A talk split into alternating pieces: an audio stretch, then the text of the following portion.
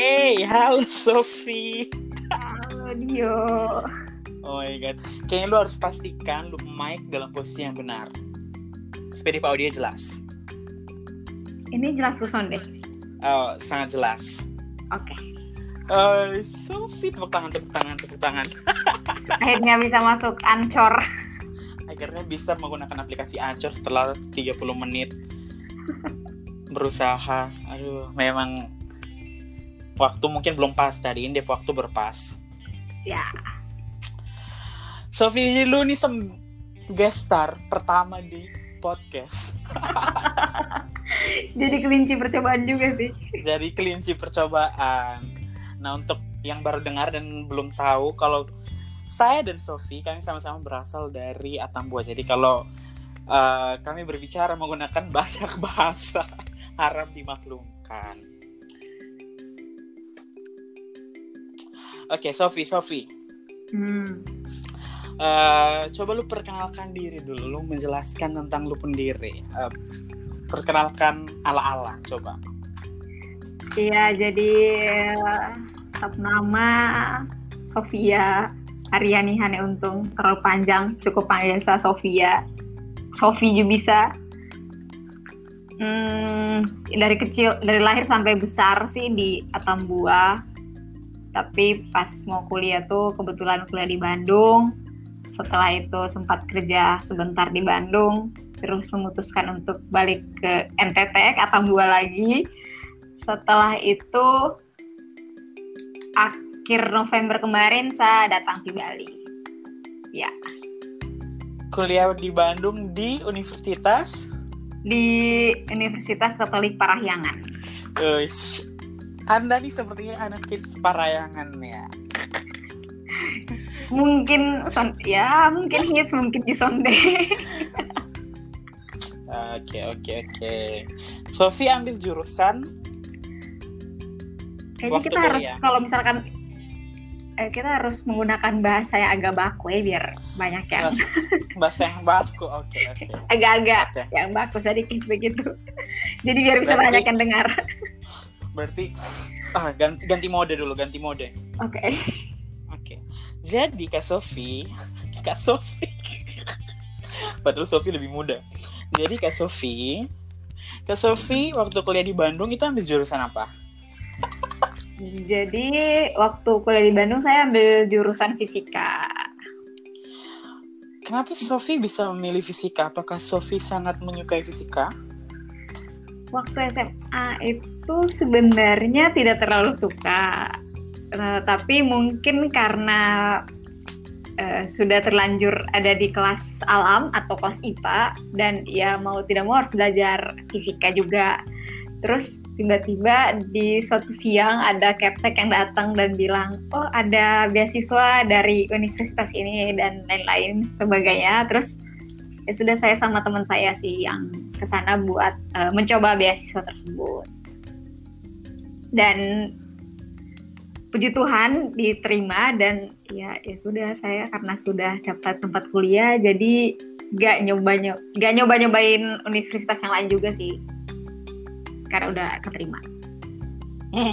Tapi emang kalau udah dapet yang ngapain nyoba yang lain kan? Udah di Parayangan, di Bandung lagi. Eish, gila. Mungkin karena malas juga sih jadi ya udahlah udah dapet. Iya benar benar benar benar. Oke, terus setelah dari si fisika, lulus dari fisika, Sofi kan kerja tuh. Mm-mm. Itu kerjanya di bidang apa sih kalau boleh tahu?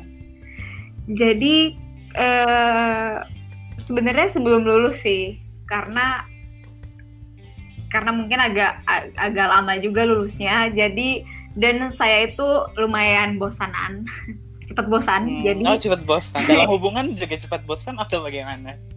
ya tergantung. Gila. jadi karena cepet bosan, jadi saya tuh mm, ya malas aja sih kalau misalkan ngerjain skripsi terus gitu, pengen mencari sesuatu yang lain. Terus akhirnya eh, nanya-nanya ke senior, terus nyobain tuh di EcoCamp. Eh, ada rumah belajar lingkungan hidup di Bandung. Mereka tuh eh, mencari Satria Sambala. Satria Sambala itu kayak ada kegiatan yang namanya Satria Sambala dicari anak-anak muda atau yang kayak baru mau lulus atau yang udah baru lulus untuk hmm. jadi freelance di situ. Nah, saya nyobain di sana. Terus akhirnya uh, dari 2017 sebelum lulus itu tuh udah freelance di situ. Jadi misalkan mereka ada kegiatan, mereka uh, kontak kalau misalkan kita bisa, kita bantuin mereka Dan di situ tuh jauh sama fisika sih sebenarnya. Itu lebih ke lingkungan hidup, bukan fisika.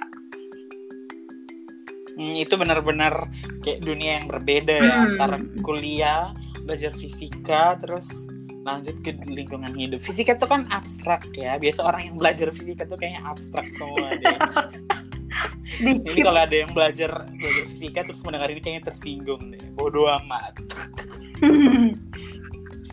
oh gitu. Terus uh, setelah dari situ hmm. dari si Eko Eko Camp ya namanya. Hmm. Nah, dari Eko Camp itu Sofi pulang ke Atambua ya? Iya, jadi dari setelah kerja di situ kerja freelance di situ terus sempat nyobain jadi uh, asisten praktikum ya di Unpar hmm. uh, setahun udah gitu di Ekocamp sampai April 2019 dan akhirnya memutuskan untuk pulang ke Tambua. Kenapa pulang ke Tambua? Kenapa pulang ke Tambua? Kalau misalkan kan Sofi Oke. Okay. Hmm. Sofi kan bisa lanjut aja kan, maksudnya nerusin aja udah di Bandung aja nih, enak dingin. Asik sendu. Senja, denger lagu pamungkas. uh, Sebenarnya kalau misalkan mau dilihat uh, untuk penghasilan, maksudnya kita baru lulus dan ya siapa sih yang nggak bangga dengan kayak misalkan uh, baru lulus dan udah punya pekerjaan dan gajinya juga lumayan gitu untuk uh, yes. graduate gitu kan. Hmm. Nah tapi uh, di situ setelah jatuh cinta ke lingkungan hidup dan belajar di situ saya ngerasa kayaknya orang-orang di Jawa itu tuh udah pada ngerti soal lingkungan hidup. Kayak ya kita harus mengurangi plastik sekali pakai. Tapi kayaknya orang timur itu belum. Jadi saya berpikir ya kenapa bukan saya yang ke sana dan ngasih tahu ke mereka? Jadi udah saya pulang. Jadi kalau misalkan ada yang dengar ini mungkin oh, alasannya klise banget sih. Tapi waktu itu yang kepikiran sama saya itu ya. Jadi dari awal 2019 sebenarnya udah mulai galau jadi pas kerja pun udah mulai nggak terlalu fokus karena uh, kan harus nyiapin juga tuh pas pulang nih mau ngapain jadi kayak belajar belajar pertanian gitu gitu Hmm, kalau menurut aku sih bukan alasan yang klise, itu alasan yang luar biasa. Apalagi kalau udah dieksekusi itu bakal luar biasa. Biasanya itu banyak uh, anak-anak muda yang punya hmm. mimpi kayak gitu. Tapi ujung-ujungnya berakhir cuma sebagai mimpi, tidak bisa dieksekusi dan luar biasa. Kak Sofi ini berhasil eksekusi di uh, Atambua kan. Jadi itu luar hmm. biasa. Awal-awalnya waktu di Atambua itu kan Sofi pengen menjelasin tentang lingkungan hidup kan. Mm. Jadi apa yang Sofi buat?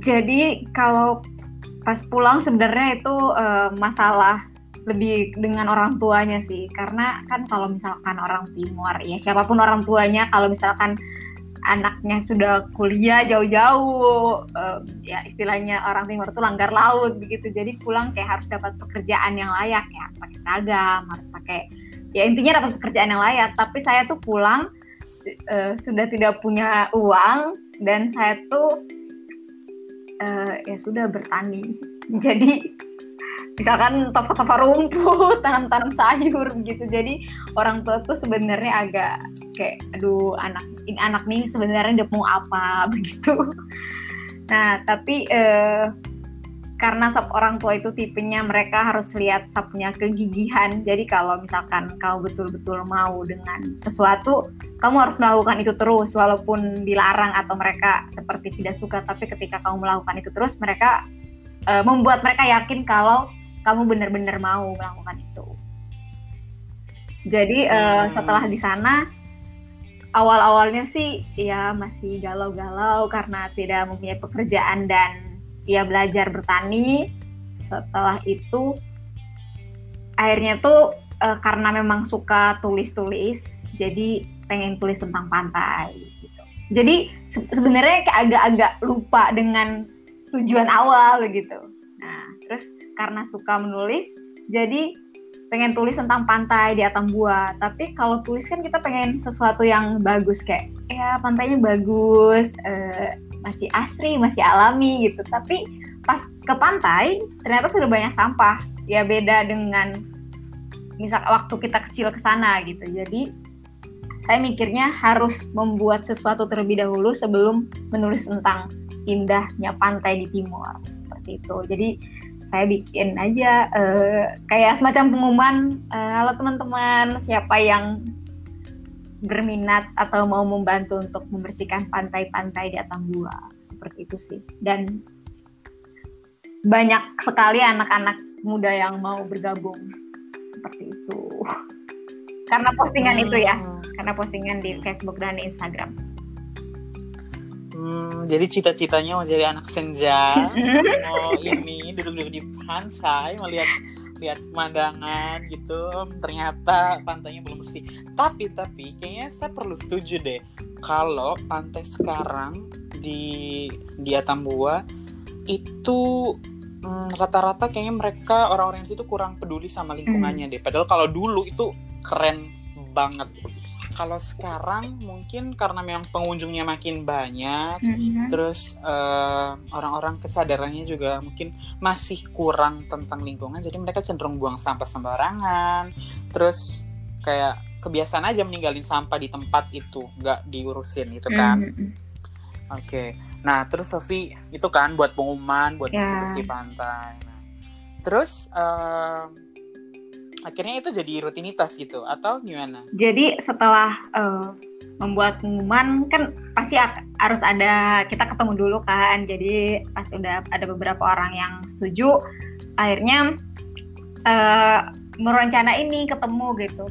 Tetapi mungkin saat itu mereka mikirnya uh, saya udah punya sesuatu kayak misalkan kamu mau bikin itu kan semacam kayak komunitas baru gitu kan Nah, hmm. mungkin aja orang-orang ini tuh mikir kalau saya tuh udah punya kayak visi, misi, apa segala macam tinggal jalan gitu. Padahal kan saya fisika saya ngeblank, ya saya juga jarang ikut organisasi dan ya organisasi pun paling saya hanya jadi tim logistik gitu. Jadi saya nggak saya nggak bisa mikir yang susah-susah kayak gitu. Nah kebetulan hmm. karena punya link pas e, di EcoCamp, terus tiba-tiba itu tuh kayak mujizat aja dia tiba-tiba ngechat oh di sana ngapain? Datang buah terus eh, nggak e, ngapa-ngapain sih pengen aja bikin-bikin ini. Oh kamu cobain aja Tresiro nah ya udah saya nyobain Tresiro dan minta persetujuan untuk bikin uh, Tresiro uh, di Belu. Jadi Tresiro ada banyak tapi saya bikinnya chapter di Belu seperti itu. Jadi kan sudah ada semuanya tinggal kita ikutin peraturannya aja gitu. Seperti itu. Hmm. dan akhirnya ketemu sama teman-teman dan menjelaskan sedikit tentang Trust Hero. Mau lanjut? Ayo. Itu bikin pengumuman. Ya udah jalan. Hmm, keren. Berarti Kak Sofi ini foundernya Trust Belu dong. Ya nggak sih? Ya bisa dibilang begitu. Bisa dibilang seperti uh, tapi ya uh, melihat banyak anak muda yang antusias tidak dipungkiri pasti banyak anak muda yang ngerasa kalau kayak milih-milih sampah, ngebersihin-ngebersihin tuh kayak sesuatu yang ih ngapain sih itu kayak nggak penting banget. Pasti ada orang yang kayak gitu nggak sih menurut Kak Sofi? Waktu Kak Sofi ngelakuin ini pertama kali. Hmm, ya. Ada tanggapan negatif seperti itu nggak kira-kira? Mungkin ada, tapi mungkin saya nggak dengar langsung ya. Tapi pasti ada aja orang yang apa apaan sih milih-milih sampah dan mungkin aja mereka mikirnya kita dibayar gitu, tapi ternyata enggak. Dan uh, teman-teman saya salut sih sama teman-teman yang mau diajak gitu. Karena ternyata mereka memang mau mau melakukan itu untuk Atambua uh, tapi mungkin belum ada yang ngompor-ngomporin gitu. Jadi kayak belum ada yang ngajakin. Jadi kalau misalkan uh, mau mengakuin tuh malu atau apa gitu. Nah kan saya agak nggak tahu malu tuh. Jadi ya udah disikat aja itu ternyata ini ya non non profit ya. Jadi benar-benar kayak volunteer maksudnya kayak lu ngelakuin ini ya lu nggak dibayar. Lu ya. bener-bener pure ngelakuin ini karena lu cinta sama lingkungan lu. Ya, kayak gitu betul. gitu kan. Nah itu keren. Tapi uh, memang harus diacungi jempol buat teman-teman yang udah join Tresiro yang udah uh, ngikuti clean up ngikuti kegiatannya Tresiro Belu kemarin tuh luar biasa emang nah uh, berseiring berjalannya Tresiro apakah dari pemerintah Kabupaten Belu sendiri juga memberi support I mean kayak mereka juga ikut koordinasi koordinasiin kegiatan kalian atau gimana gimana apakah mereka juga sempat ngelakuin itu? Hmm, jadi awal-awal bikin itu kan ya karena komunitas di Atambua itu tuh eh, jadi kalau eh, komunitas di Atambua tuh semacam kayak harus saling kenal gitu. Jadi komunitas ini harus kenal sama komunitas ini. Kalau kamu nggak kenal ini kayak nggak terlalu keren gitu. Nah jadi kayak harus saling kenal gitu kan. Nah terus awal-awal pas uh, bikin itu emang komunitas bola tuh udah pada gabung setelah itu mereka ya banyak saran lah dari kakak-kakak senior oh uh, bikin surat apa segala macam gitu jadi bikin surat undangan untuk kayak dinas lingkungan hidup dinas kesehatan dinas pariwisata dan kalau misalkan pemerintah Belu uh, mungkin dinas pariwisatanya mereka jadi kalau misalkan kita ke Pasir Putih kita tuh nggak bayar tiket. Karena kita memang ke sananya clean up jadi kita masuk tuh gratis kalau untuk anak Trasiro jadi join Trasiro biar bisa ke pantai gratis.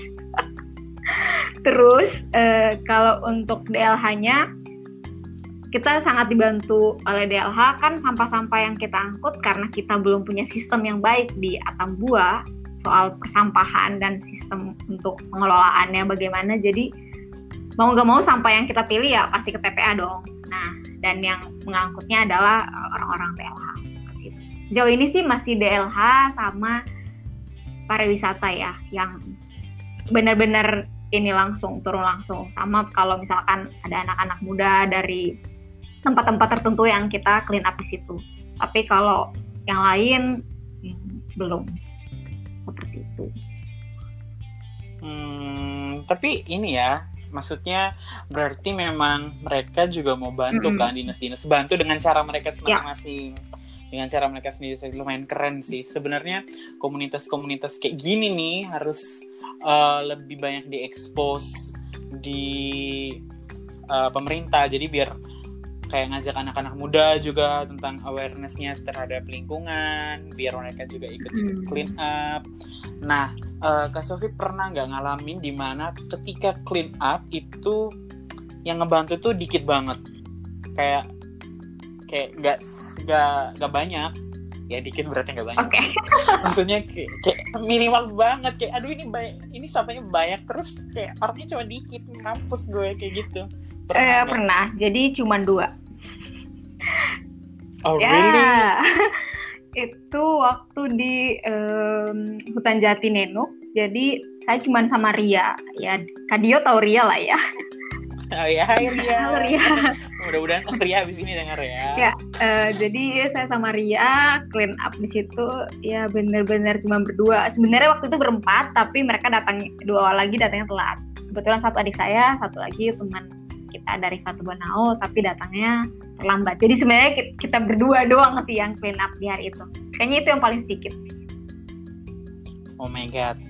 Itu jadi kalau teman-teman yang belum tahu hutan Jatinenek itu tempatnya gila, itu luas parah banget. Jadi kalau mau clean up, oh my god, dan lu cuma dua orang, oh my god, mau direk namanya ya. Tapi salut sih. Iya, betul. Dan uh, um, mungkin itu yang bikin orang-orang tuh uh, lumayan apa ya punya kayak wow Trasiro lu tuh keren sekali loh. Karena dong tuh tetap jalan even dua orang pun tetap jalan gitu. Karena mungkin banyak komunitas tuh yang uh, dong muncul ya cuman awal-awal doang panas-panas. Tapi kalau misalkan sana ada orang tuh dong sande mau kerja atau kayak Ih, nanti lah tunggu banyak orang dulu baru kita bikin ini kegiatan. Nah kalau Tresiro itu tuh memang dia punya misi ada tujuan adalah kayak ya bikin masyarakat percaya. Jadi setiap minggu tuh pasti clean up kecuali ada liburan tertentu. Kayak misalkan pasca sekarang berarti Sunday clean up. Tapi kalau misalkan tidak ada kegiatan lain ya pasti clean up. Jadi mau dua orang pun tetap clean up. Kayak gitu sih. Hmm, mantap tuh. Gila tetap berjalan walaupun Hmm. jumlah orangnya dalam jumlah yang sangat amat minimalis ya. Hmm, itu kayaknya jadi salah satu duka deh, Oh iya. duka. iya ya. Aduh, aku nggak bayangin kalau aku yang ada di situ kayaknya please stop. Tapi kan eh, saya kan pernah Hmm. kan join di si Trust Hero. Ih, ngomongin Trust Hero. di Trust Hero tuh emang eh, butuh butuh niat, butuh memang kesadaran Hmm. lebih terhadap lingkungan. Tapi sekalinya join kan waktu itu kan join sama kebetulan sama adik-adik aku Ya. kan. Nah, sekalinya join kita tuh ngerasa Ih, keren banget ya ternyata kayak gini. Jadi kita kalau kamu udah join sekali kamu bakal punya rasa eh, peduli terhadap lingkungan lebih tinggi Wow, thank you. secara tidak langsung sih secara tidak langsung jadi eh kalau adik aku tiap ngelihat orang buang sampah pasti dia ngomong gini duh kasihan ini nanti kak Sofi nih yang bersihin. Jadi akhirnya karena dia mikir gitu dia juga nggak mau buang-buang sampah sembarangan. Oke. itu apa ya eh, sisi positif cukup berhasil lah. Nah eh, sebenarnya akan lebih bagus lagi kalau Trasiro ini lebih dikenal di sekolah-sekolah Ya. sih Nah, sebenarnya tuh kan kita punya program untuk uh, Trasiro Belu tuh goes to school karena memang kan eh, ya kita senada pun tempat tapi kita biasa mungkin berkumpul di Tulam Melai, kadang di lapangan umum. Jadi itu kan di kota dan banyak sekolah gitu. Jadi kita punya rencana untuk Trasiro goes to school setelah eh, bulan Maret 2020. Tapi kebetulan karena corona jadi itu niat diurungkan. Dan kebetulan waktu itu sudah sempat kontak dengan para dinas pendidikan. Eh, jadi Mhm. eh, waktu itu mereka ajak untuk kita tuh collab saat festival Fruan Fehan. Tapi mungkin waktu itu sudah jadi atau bagaimana tidak ada kabar lagi karena corona juga. Jadi eh, dan sepas kontak itu eh, kebetulan kontaknya ke saya. Jadi saya juga sudah bilang kalau oh karena ini kebetulan omong dengan Bapak Dinas Lingkungan Hidup, eh, Dinas Pendidikan gitu, Kabit Kabit Pendidikan. Jadi eh, Kabit SMA kalau tidak salah. Jadi eh, sudah sempat omong untuk bagaimana kalau Tasiro goes to school. Jadi di sekolah-sekolah juga mereka punya sistem pengelolaan sampah yang baik, bukan hanya mereka belajar tentang ya pelajaran-pelajaran di sekolah, tapi setidaknya mereka eh, belajar juga soal menjaga lingkungan seperti itu tapi karena ya corona ruins everything Emang corona tuh penghancur segala deh. Gila, orang tuh bisa putus karena corona. Ada jangan curhat. putus Em, eh, putus komunikasi biasalah. Oke, udah back to topic. Eh, Sofi kayaknya suara saya di situ terlalu besar deh. hmm. kayaknya hmm, oke udah udah nggak terlalu ini Em, Iya sih, kayaknya bakal keren banget kalau uh, si Tracy Rani Mm. bakal ke sekolah-sekolah gitu. Jadi sekolah-sekolah punya sistem uh, apa pengelolaan sampah yang jelas. Terus bagus juga kalau ke ini kayak ke lingkungan ke lingkungan-lingkungan uh, maksudnya ke tingkat RT RW Hmm. gitu. Jadi buat pelatihan ya mungkin itu sudah ini sih. uh, kalau pelatihan mungkin agak terlalu jauh ya. Tapi intinya kayak buat mereka lebih aware terhadap sampah gitu itu bakal keren. Ya. Jadi mungkin mereka seminggu sekali bersih bersih gitu atau apa. Ya emang udah dilaksanain sih, tapi kayaknya masih belum maksimal. dan memang nama Trasiro Ah, Belu kan hmm. terlalu luas maksudnya Belu tuh satu kabupaten loh jadi itu kayak sangat luas sekali begitu kita harus bersihkan dari atap pupus sampai Lakmaras jadi kayak itu Hmm. sangat luas sekali sebenarnya jadi pengennya tuh bikin satu. Dan itu pun sudah direncanakan jadi bikin satu eh, kayak desa atau kampung percontohan. Jadi orang tuh kalau misalkan dong mau bikin sistem untuk dong punya lingkungan dong tuh punya contoh itu kampung begitu. Oh ini kampung nih sujadi dan mereka berhasil gitu. Nah seperti itu. Kalau yang sekarang sih eh, kita fokusnya tuh ya tetap clean up karena memang masih pandemi juga terus untuk paling kita lebih banyak saat ini tuh lebih banyak collabs dengan ya komunitas-komunitas lokal di sana sih. Komunitas literasi terus ya seperti Batardaan dan lain-lain. Hmm, emang corona ini gila. Bang eh jangan omong kasar juga tapi emang corona ini menyebalkan emang menghalangi semua kegiatan. Nah bagusnya di di Atambua tuh banyak hmm. komunitas-komunitas yang keren ya. juga sebenarnya nah sebenarnya uh, kalau saya pribadi sih taunya sih cuma Hero sih kemarin. Mungkin kebetulan karena yang buat teman gue atau gimana.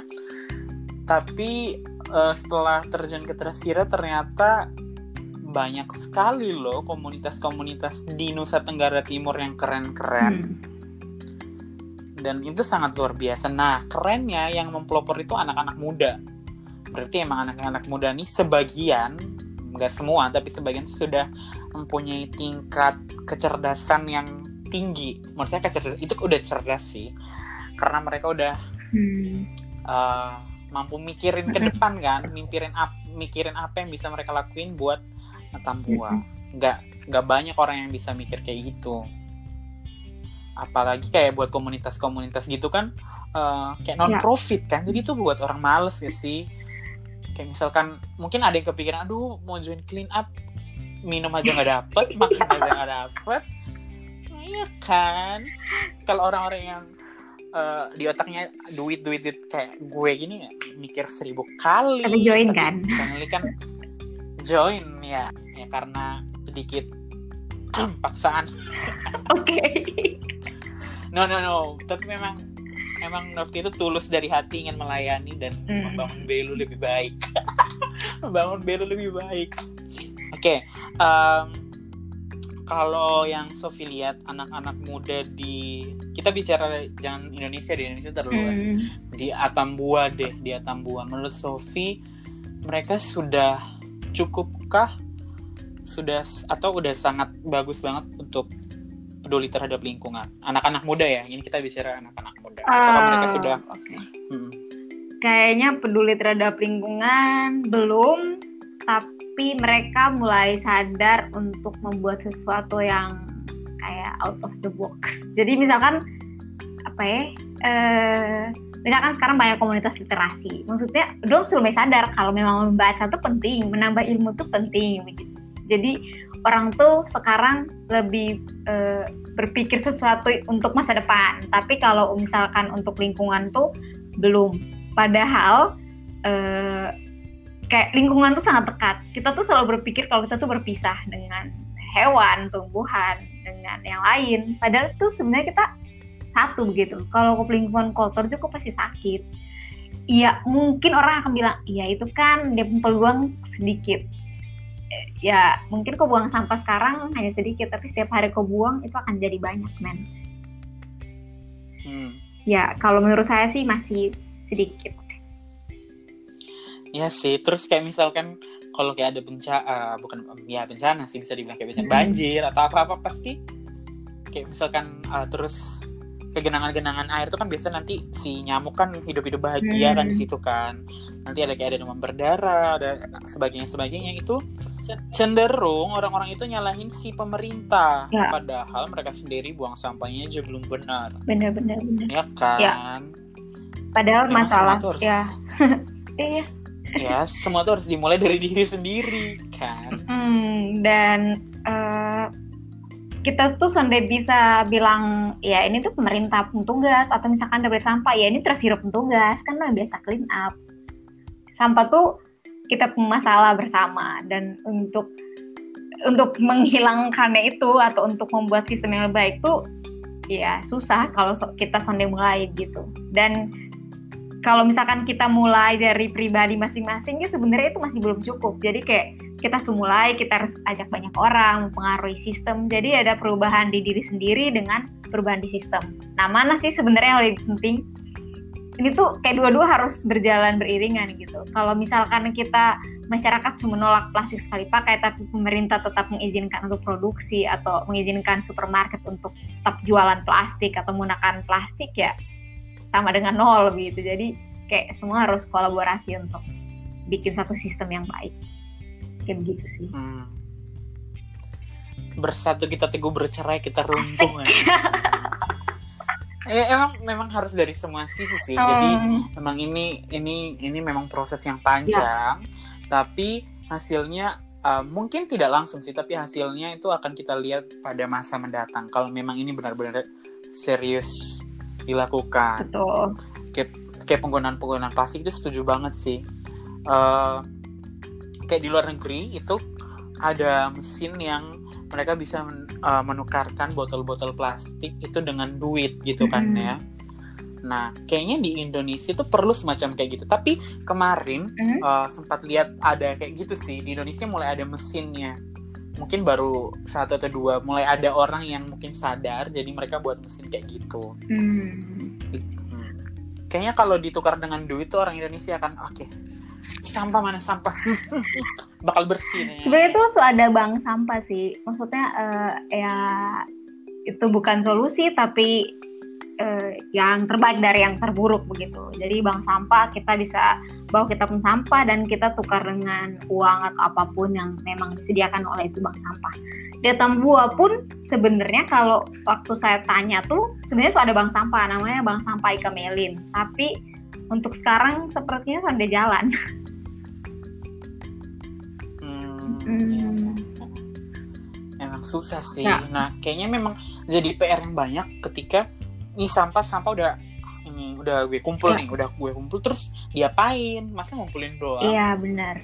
Itu tuh kan jadi PR lagi kan. Jadi ini tuh kayak prosesnya tuh kayak panjang banget. Jadi ya memang benar sih sistem sistemnya harus dirubah terus harus mikirin solusinya Ya. ini harus dikemanain harus dibuat seperti apa seperti apa terus kan kayak ada yang eh, orang eh, sering lihat kan yang kayak dibuat daur ulang Mhm. atau dibuat jadi jadi apalah tas lah apalah kayak gitu-gitu Nah, eh Dress Hero sendiri jadi ya dulu saya juga mikirnya oke it's fine tuh daur ulang dan lain-lain. Tapi setelah saya di Dress Hero saya baru tahu kalau misalkan ya daur ulang juga sebenarnya nggak bener.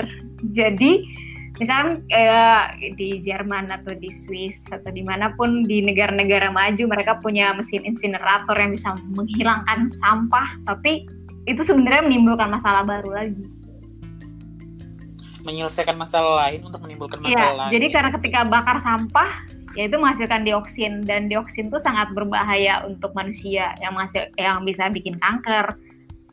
Jadi eh, itu kayak tidak menyelesaikan masalah. Nah, yang Trust Hero pikirkan tuh cara untuk zero waste. Nah, zero waste tadi itu kita harus berubah, kita diri sendiri dengan jadi perubahan diri sendiri dengan perubahan sistem.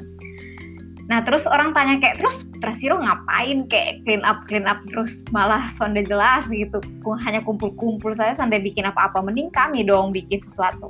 Oke misalkan kamu eh, bikin tas gitu dari ya kulit apa pun gitu kan. Oke lah ya jadi tas. Tapi setelah itu tas rusak terus jadi apa lagi dong? Jadi kayak oke lah menambah menambah umur si sampah tersebut tapi eh, sebenarnya kan ya mendingan natural sekalian daripada lu bikin kayak begitu karena itu sampah akan tetap ada di bumi kayak gitu. Dia hanya butuh pada akhirnya dia Yes, sampah gitu karena kan. plastik itu sebenarnya bisa terurai. Kalau misalkan udah lihat di internet itu terurai berapa ratus 60 tahun berapa ratus begitu gitu dan tidak akan terurai plastik hanya akan berubah bentuk menjadi mikroplastik dan itu akan ada di kita tubuh sebenarnya. Karena di ikan pun sebenarnya sudah banyak. Dan kan sekarang yang lagi tren itu kan sispirasi dan kita harus nonton ya. Hmm. itu. Jadi kayak oh iya balik lagi. Kenapa sih? Terus kenapa Trashiro clean up? Nah jadi Trashiro tuh eh, clean up tuh untuk membuat masyarakat tuh eh, percaya dengan kita penggerakan jadi mereka tuh sonde lihat eh ini mereka kayaknya dibayar deh atau ih pansos doang gitu hanya satu kali clean up satu ming eh, dalam satu tahun satu kali clean up. Tapi kami tuh benar-benar melakukan ini. Nah setelah itu setelah masyarakat join jadi kita menumbuhkan kebiasaan masyarakat gitu. Untuk sambil kita clean up kita tuh eh, bilang kalau ya kan kita clean up terus kita pasti capek gitu kan. Jadi sekaligus kita edukasi jadi gitu. Nah dan kenapa Tresiro penting jadi Tresiro tuh sebagai jalan masuk untuk zero waste tadi karena ketika kita clean up, kita akan bertemu lebih gampang, kayak gerbang masuk lebih gampang dengan orang-orang yang punya pemikiran yang luar biasa sama dengan kita gitu mungkin. Atau bisa salah mereka luar biasa, mereka pengen bikin sistem ini bla bla bla bla. Jadi misalkan kalau Sonde bikin clean up atau kita Sonde bikin clean up, kita sering ketemu dengan orang DLH dong. Kalau misalnya kita Hmm, sun clean up, kita sun mungkin ketemu dengan komunitas-komunitas lain yang mereka punya tujuan yang sama juga begitu. Kalau Yes, kita hanya yes. bacot ya mungkin orang sonde mau gabung dengan kita, tapi kita beraksi, kita kita beraksi terus menerus tiap minggu, kita tunjuk kalau kita benar-benar komitmen, maka orang tuh udah melihat dan itu kayak jadi gerbang masuk untuk kita membicarakan hal-hal yang lebih besar kayak gitu. Seperti itu. benar-benar. Jadi itu yang tersiro perjuangkan. semangat Resiro semangat Resiro apakah kamu mendengar aku semangat Resiro tapi emang ini sih eh, itu hal luar biasa terus kayak emang kesadaran Mm-mm. orang-orang tuh memang masih susah untuk di kayak masih susah untuk hey lu tuh harus Iya, sadar iya. sampah tuh jangan dibuang sembarangan karena jatuhnya orang tuh kayaknya sekarang kalau ngeliat sampah sampah buang-buang sampah sembarangan tuh jadi anggap suatu kebiasaan jadi kayak ya udah emang gitu emang sampah dibuang sembarangan bodo amat lu ngapain emang. Nah itu kan orang pada buang sampah sembarangan. Terus kayak misalkan pakai pengganti plastik eh, apa sih namanya? Eh, Kertas. kayak tas belanja, tas belanja, tas belanja, kayak tas tas belanja gitu. Orang-orang tuh masih belum terbiasa kayaknya menggunakan tas belanja. Mereka masih seneng aja gunain plastik Mm-mm. emang. Dan eh, kalau kitanya berusaha sendiri emang susah sih. Emang harus dari pemerintah juga ikut andil untuk hal-hal kayak gini emang. Tapi ya mereka perlu mikir solusi lain kayak misalkan terus pabrik plastiknya gimana? Gitu itu gimana? Oh ribet gila. Ya kan memban plastik tadi- juga eh, ya susah. Tapi ya salah satu contoh yang di- yang yang sudah dilakukan itu tuh kayak ya di Bali dong sudah memban plastik sekali pakai jadi dilarang ya that's good Hmm. ya buat teman-teman yang nggak tahu sekarang Kak Sofi sudah pindah ya pindah domisili sekarang udah di Bali ya. Gak tahu ngapain di Bali itu Iya, jadi teman-teman, ya seperti yang tadi saya bilang, kalau misalkan ya waktu saya di sana, ya saya benar-benar kerja sebagai as a volunteer, jadi cuman relawan dan ya sudah urus segala macam dan bukan ya tiap hari kita tiap minggu kita clean up. Ternyata ketika lu masuk itu komunitas dan lu kayak berjuang di situ, lu lebih rasa dia capek, rasa dia segala macam dan ya balik lagi pasti orang tuh tanya kayak kok bikin untuk apa sih ini barang nih gitu. Nah akhirnya tuh tahun lalu karena Tresiro itu tuh kan ada bagian paling atas lagi misalkan Tresiro Belu berarti ada Tresiro Indonesia terus di atas Tresiro Indonesia itu Hmm. ada Tresiro World kayak NGO-nya. Nah NGO-nya itu didaftarkannya tuh di Switzerland terus Mhm. eh, karena saking banyaknya pekerjaan kan mereka juga dapat sponsor kan, dapat donatur untuk Hmm. duit dan segala macam. Karena kita dapat kaos kuning itu pun gratis gitu dari Resi Reward-nya. Jadi Hmm. eh, kita harus melaporkan eh, jumlah berapa, berapa jumlah sampah yang kita dapatkan, berapa jumlah relawan dan lain-lain gitu. Jadi eh, yang mengurusi semua administrasi dan lain-lain, mengurusi relawan, yang mengurusi segala macam logistik dan lain-lain itu tuh harus ada satu orang yang ngurusin. Jadi setiap negara tuh punya satu eh, namanya country coordinator yang mengurusi. Nah kebetulan tahun kemarin saya itu diminta untuk eh, menggantikan country coordinator yang lama karena country coordinator yang lama itu eh, akan menjadi staff di Tersiru World. Jadi saya sekarang staff di Tersiru Indonesia dan dibayar Oh, keren, keren, keren. dan dibayar keren. untuk mengerjakan itu administrasi yang banyak itu karena gak mungkin eh, pekerjaan sebanyak itu tuh dilakukan oleh relawan kan relawan juga punya pekerjaan yang lain seperti itu Yes. jadi kayak mereka harus di- eh, punya satu orang yang benar-benar in charge di situ seperti itu oh mantap nih Kak Sofi nih gila. Uh, ini buat orang-orang yang kemarin yang bilang Sofi milih sampah gak jelas. Hmm, lihat hello dia udah upgrade nih. Mudah-mudahan nanti berapa tahun lagi bisa jadi staff ini ya terus hmm. robot ya. Jelas sih. Kenapa? Jadi staff THI dulu saja. Oke. okay. Pokoknya ini tetap peduli lingkungan tuh keren intinya um, terus kalau nggak salah yang Sofi ini kemarin sempat menjadi salah satu pemateri di uh, seminar yang diselenggarakan oleh Oh my god. Kemendikbud. Am I wrong? Am I right? Ya ya ya. ya? Kemendikbud. Ya. Kemendikbud kan hmm. ya. Ya, saya dapat sertifikat oh, iya. saya nonton. saya malah nggak iya. dapat sertifikatnya. ya, tapi dapat iya, duitnya, iya. coy. Cuan, coy. Cuan penting, coy.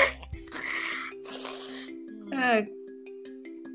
Itu ceritakan kenapa kok kok tiba-tiba jadi pemateri di seminar tuh how come? Kenapa bisa? Info Kemendikbud ya, mungkin saya harus nyari dulu ya. uh, kenapa bisa? Maksudnya kok tiba-tiba di ini ceritanya gimana? Kenapa ceritanya gimana? Awalnya tuh gimana? Atau tiba-tiba mereka hubungin oh, jadi, aja gitu? Ya ini semua berkat ekocam sih sebenarnya emang saya jatuh cinta di lingkungan hidup tuh benar-benar tulus ya. Ya jadi waktu itu emang nggak punya duit sama sekali asik curhat. curhat. Terus uh, pagi-pagi itu tuh dihubungin sama salah satu pembina yayasan di ekocam Nah, sebenarnya dia nggak terlalu sering datang ke EcoCamp sih, kayak pembina di programnya EcoCamp. Tapi dia itu uh, salah satu guru besar matematika di ITB. Nah, aduh saya lupa Iwan namanya hmm. ya. Jadi uh, Pak Iwan menghubungin kalau misalkan akan ada acara ya ya ngomong-ngomong gitu. aduh saya lupa lagi acaranya soal apa ya? Judulnya soal apa saya lupa terus ya ya, ya itulah itu, itulah nah terus itu tuh acara menyambut 17 Agustus ya merayakan 17 Agustus pokoknya waktu itu tanggal 19 ya, ya, Agustus benar, kalau saya nggak salah nah jadi saya diminta untuk menjadi salah satu pemateri karena memang saat itu mereka mau uh, mewawancarai kayak orang-orang yang ya melakukan sesuatu di daerahnya masing-masing seperti itu. Jadi bukan hanya soal lingkungan hidup. Jadi misalkan yang waktu itu dari Maluku Pak Ambon ya saya lupa soal uh, perempuan. Jadi uh, terus ada yang penanaman penghijauan, suster, ya masih banyak lagi sih. Jadi kayak orang-orang yang melakukan sesuatu di tempatnya masing-masing seperti itu.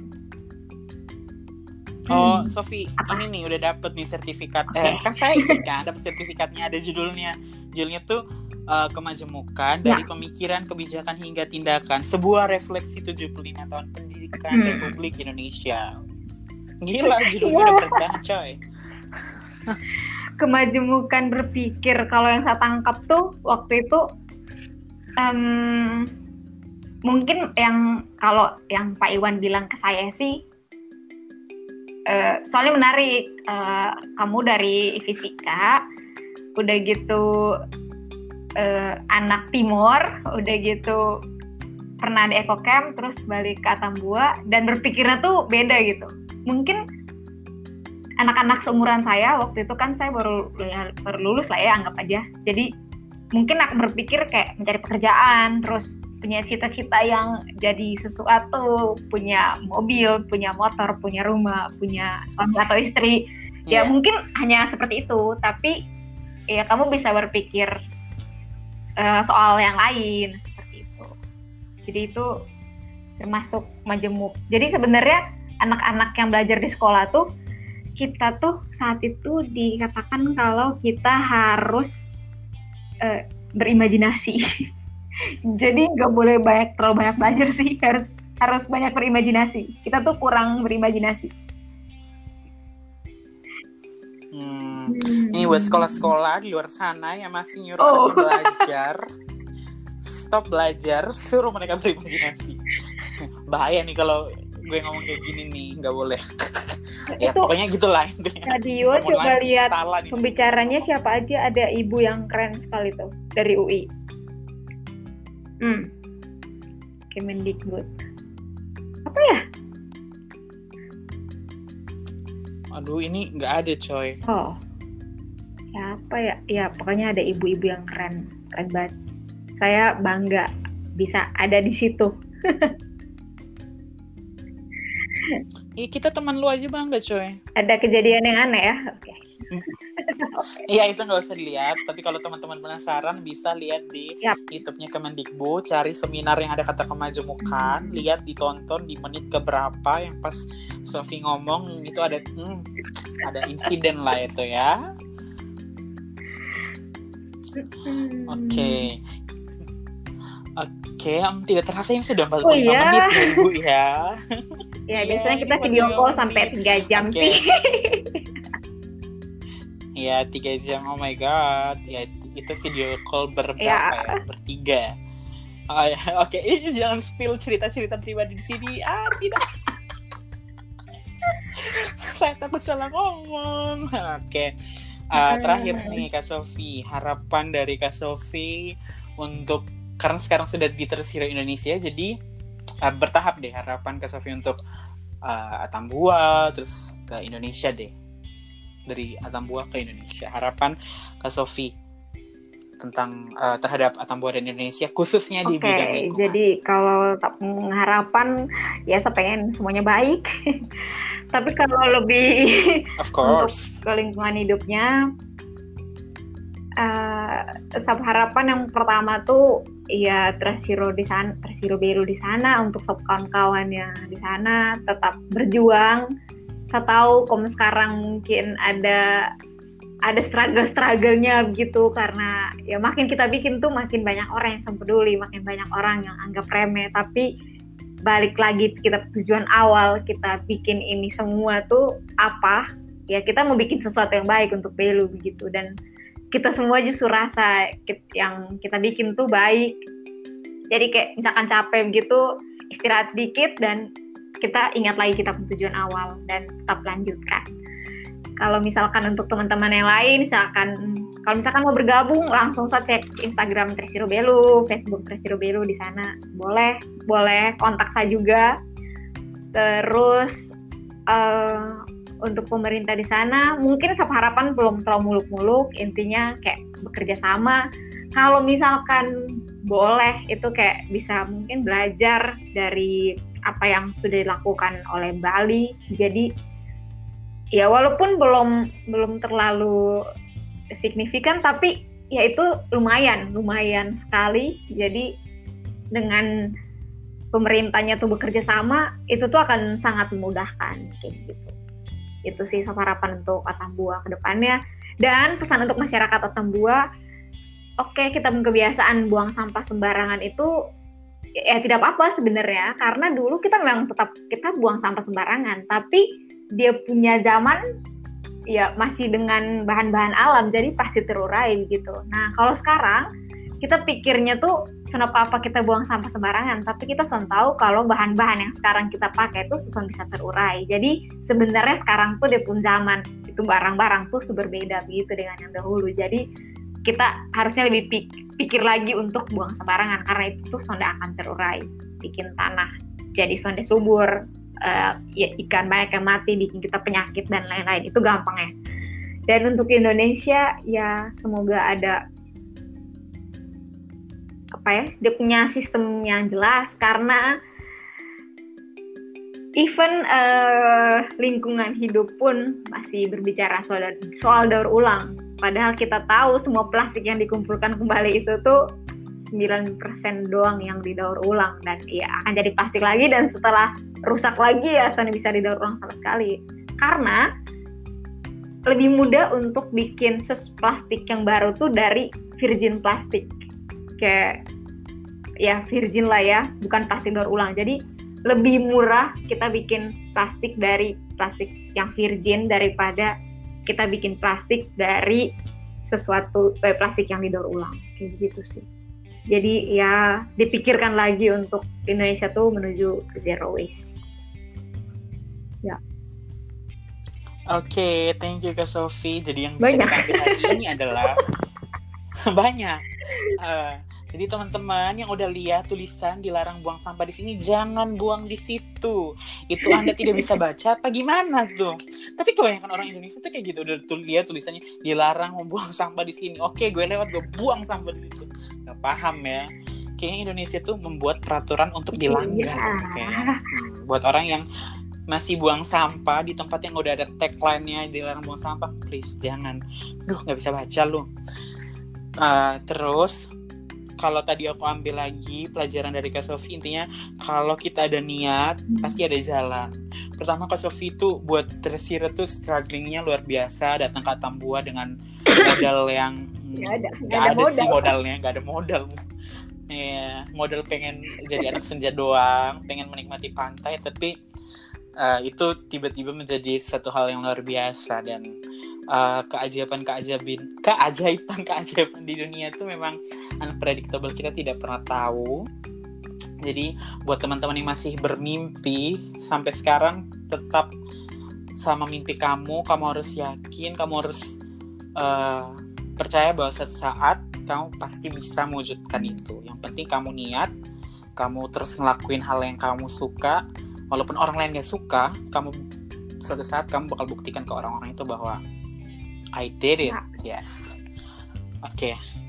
Thank you Sophie for your time and mungkin kita bakal buat lagi tapi mungkin temanya ini beda ya. Oke. Kalau ini kan sampah yang benda ya. Mungkin suatu saat kita buat sampah tapi manusia. Oh, manusia really?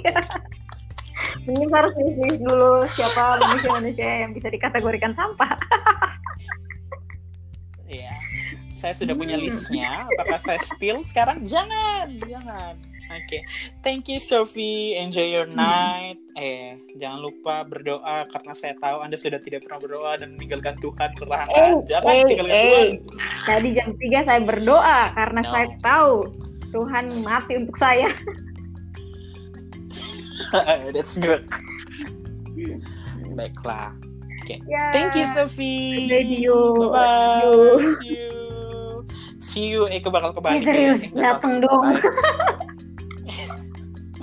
Oke, oke. See you. See you. Makanya bilang see you. Dadah.